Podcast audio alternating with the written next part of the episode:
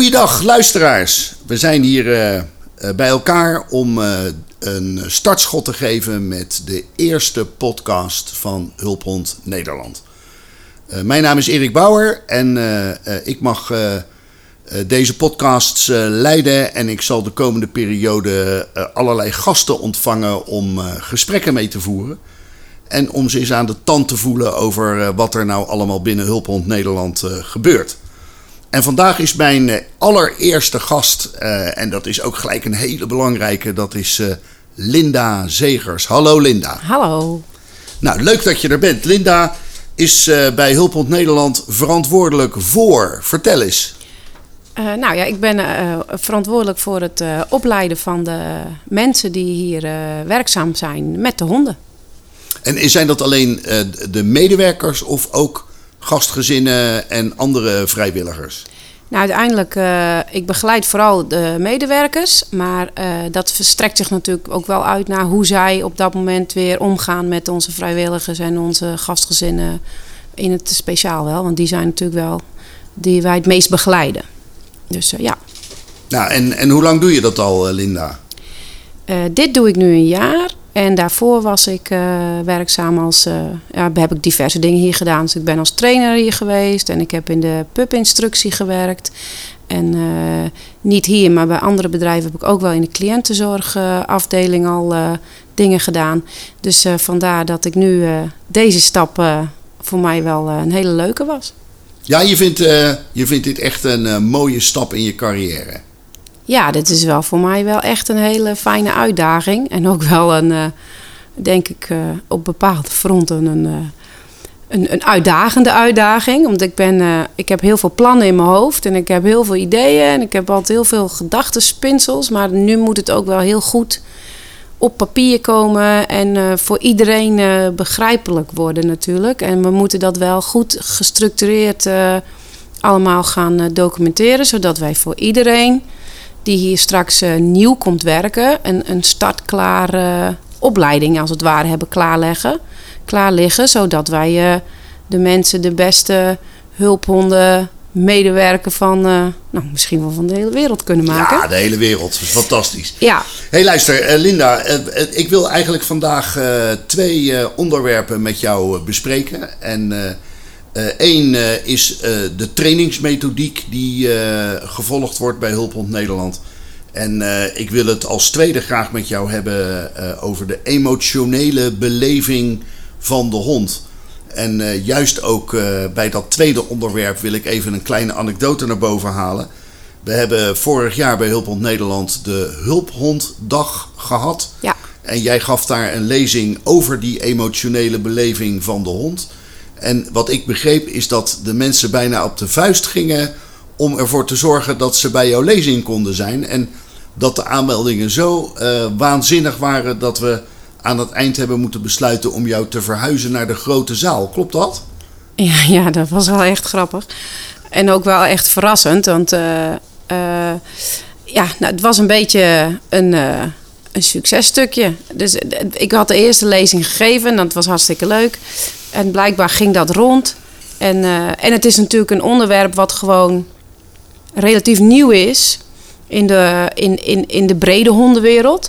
En daardoor denk ik dat het mensen heel erg. En emoties is iets wat voor, voorheen echt vooral nog uh, uniek voor mensen werd gehouden. Echt diepere emoties. En we komen nu achter heel veel dingen. Dat is natuurlijk super spannend. En heel veel mensen hebben er nu een klein beetje van gehoord. En, op, en de mensen die er nog niet van gehoord hebben, die worden er natuurlijk ook door geprikkeld. Als ze dat dan als onderwerp zien. Dus ja, mensen wilden dat heel graag uh, allemaal horen. en weten, toen ja. Uh, ja. stonden we daar dikke, dikke rij voor de deur. En, uh, en er kon niemand meer bij. Dus toen hebben we besloten om het te verplaatsen. En daar zat ook nog best wel. ja, dit, is dan een, dit is dan een hele mooie cliffhanger voor strakjes uh, als wij het inderdaad over die emotionele beleving van die hond gaan hebben. Even, even over de training bij, uh, bij Hulphond, uh, de methodiek die wij hanteren. kun je daar iets over uitleggen? Hoe, hoe doen wij dat? Beginnen we meteen op het moment dat het hondje geboren is, beginnen wij dan al met trainen? Of doen wij dat later? Wat, wat is de manier waarop wij dit aanpakken? Nou ja, je hebt, ik denk dat het belangrijk is om onderscheid te maken in een bepaalde dingen die je wil doen kijk, je kan zeggen, we starten vanaf dat wij ze. Als we ons eigen uh, fokprogramma bijvoorbeeld bekijken, dan beginnen wij natuurlijk al wel met aanbieden aan die puppies. Ervaringen aanbieden. Uh, vanaf het moment dat, dat daar vanaf vier weken is de leeftijd dat ze de wereld gaan verkennen, dan, dan hebben wij daar wel invloed op. Dus wij doen wel dingen om ze dan al hè, voor te bereiden op hun toekomstige leven. Maar dat, of je dat dan doelgericht trainen kan uh, noemen, ja, daar kun je, dat is altijd een beetje een discussiepunt. Is dat trainen of is dat. Ik probeer het meer te zien als voorbereiden op, op de wereld waar je je in, uh, in bevindt straks. En het eerste jaar is wel uh, voornamelijk daarop gericht. waarbij natuurlijk wel in het verloop van dat jaar de training, de doelgerichte training, wat meer toeneemt. En uh, het aanbieden aan ervaringen natuurlijk al op een gegeven moment een beetje afgerond is. En dan ga je het in elkaar laten schuiven. Dus dan heb je bepaalde dingen getraind. En je hebt ze bepaalde ervaringen gegeven. Hè, dus uh, in de supermarkt rondlopen, uh, zeg het maar. En die schuif je in elkaar en dan wordt het een stukje training. Maar het echte doelgerichte hulphondstuk, dat begint eigenlijk pas vanaf een maand of 16. Als de honden hier bij ons in Herpen komen om daar hun, uh, hun echte opleiding ja. zeg maar, uh, te gaan volgen. Ja, weet je, de, de, de vragen die ik wel eens, uh, die ik wel eens krijg over het hondenwelzijn en dat soort dingen meer. Hè. Vinden, vinden honden dat werken leuk of, of liegen ze het liefst de hele dag op een kleedje voor de kachel? Nou ja, dat is natuurlijk hondafhankelijk. Kijk, elke hond voor ons bij, bij de stichting en ook voor mij persoonlijk zijn honden individuen. En uh, iedereen die een hond heeft, die kan dat beamen. Iedereen die meerdere honden heeft, nog een keer, want die heeft er twee, dus die ziet dat die verschillend zijn. En elke hond heeft zijn eigen unieke karakter. En de een heeft meer werklust als de ander. Dat is bij, bij mensen ook. En uh, daar moeten wij natuurlijk gewoon op selecteren. Je kunt honden natuurlijk enthousiast maken door te zorgen dat het werk ook leuk is voor ze. En dan heb je honden, die best veel honden, die in werklust toenemen. En dat is voor ons natuurlijk heel erg belangrijk, omdat bij onze cliënten wij wel graag willen dat die honden acht jaar minimaal daar uh, fris en fruitig uh, aan de slag gaan. En dat kan alleen als deze honden wel, die honden die uiteindelijk het programma afmaken en als hulphond aan het werk gaan, die moeten wel voldoende werklust hebben en voldoende plezier hebben in het werk. Anders houden ze dat nooit acht jaar vol. Dus daarom is er ook best wel een zware uh, taak om te kijken, zijn ze geschikt? Want ja, niet alle honden hebben evenveel werklust. Dus op dat vlak moeten we al af en toe gewoon een selectie en, en maken. Is, is dan, is dan uh, uh, de, de, dat honden wel of niet voldoende werklust hebben, is dat dan ook een criterium om ze uh, in het traject te laten of eruit te halen? Ja, we gaan natuurlijk wel. Kijk, ik denk dat het ook zo werkt voor honden als jij van jongs af aan leert dat werken leuk is en dat je je daar prettig bij voelt en dat je ontspannen daarin kunt zijn, is het makkelijker om dat leuk te vinden. Dus neemt ook je werklust toe. Als we het gewoon over werklust hebben. Um, en wij hebben nog een extra uh, moeilijk, moeilijkheidje. Dingetje waar we over na moeten denken. Het is maar net hoe je het noemt. Waarbij we moeten kijken naar um, de werklust versus de energie van de cliënt en de mogelijkheden van onze cliënten. En dat is bij ons natuurlijk het hele lastige evenwicht. Want onze cliënten hebben niet de energie en de mogelijkheden om de honden de hele dag aan het werk te houden. Dus diegene met heel veel werklust, ja, die komt eigenlijk tekort bij onze cliënt. En uh, degene die, uh, die niet genoeg werklust heeft, ja, die wil het niet acht jaar lang blijven doen. Dus bij ons is de middenweg is echt belangrijk om die te vinden. En dat is best wel, uh, nou ja, dat vind ik een van onze moeilijkste afwegingen. Want we hebben wel gemerkt dat, kijk, natuurlijk hebben we ook cliënten die wel met een hele werklustige hond goed uit de voeten kunnen. Maar gemiddeld genomen hebben onze cliënten natuurlijk, die hebben de hond niet voor de lol. Die hebben hem wel echt nodig. En uh, dat gaat wel gepaard met vaak uh, een beperkte energie. Uh, hè, wat je hebt op de dag. Maar waar dan, ik sorry dat ik je even onderbreek, maar dan heb je het over, over onze ADL-cliënten. Ja. Dus De mensen eh, met een lichamelijke beperking Ja. die in een rolstoel zitten. Ja, maar ook mensen die eh, in het eh, epilepsietraject bij ons een hond eh, hebben. Of mensen die eh, een hond hebben omdat ze PTSS-problematiek hebben.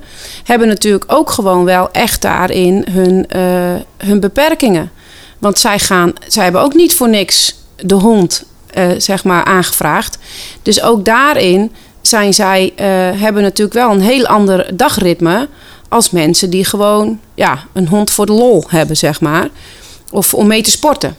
Kijk, en, en als we kijken naar bijvoorbeeld eh, eh, politiehonden die opgeleid worden, of honden die opgeleid worden om te speuren, dan is het heel makkelijk selecteren. Want die selecteren gewoon op de meeste werklust, net nog zo hard kunnen werken dat je nog net je verstand erbij kan houden en op het toppunt van je kunnen gaan. Nou ja, dat is relatief, vind ik, relatief makkelijk te selecteren. En dat is bij ons, en ik denk ook bij eh, mensen met eh, blinde geleidehonden, hè, die ook in onze branche natuurlijk zitten, is dat een stuk lastiger eh, kiezen. Ja, ja dat, dat snap ik. En, en eh, nou, je vertelde dus dat eh, in het eerste jaar eh, bied je vooral heel veel ervaringen aan aan de hond. Dan komt de hond in Herpen. Die wordt dan opgenomen hier in, ons, ja, in onze jeugdherberg, zou je bijna zeggen. Hè? De, de jeugdherberg van de honden. Ja. Vindt, vindt iedere hond het hondenverblijf leuk? Zijn er ook honden die daar wat minder goed tegen kunnen? Ik, ik bedoel, ik hou van rust. Dus op het moment dat ik in een jeugdherberg terechtkom, dan moet ik drie keer slikken, zeg maar. Hoe, hoe, hoe zit dat met, eh, met de honden die hier binnenkomen? Nou ja, kijk, het is natuurlijk voor die honden in het begin eh, meestal, nou laten we zeggen 80% zeker, misschien wel 90%, die vindt het hier één groot feest. Want het zijn allemaal jongeren, die allemaal jongvolwassenen, die komen hier op een soort kamp. In hun gevoel, in hun beleving, zo zie ik het maar. Maar dat gaat wel ook te, gepaard met een beetje minder slaap en een beetje, weet je, dat is als je studententijd, hè. Ik, zing- ik hing ook eh, elke avond in de kroeg. Had ik op een gegeven moment ook een slaaptekort. Ja, dat is niet handig. Daar word je niet beter van per se in je leervermogen. En, eh, en dat gebeurt hier ook. En je hebt ook eh, honden die gewoon nog iets meer gesteld zijn op hun rust en iets meer verlegen typjes zijn.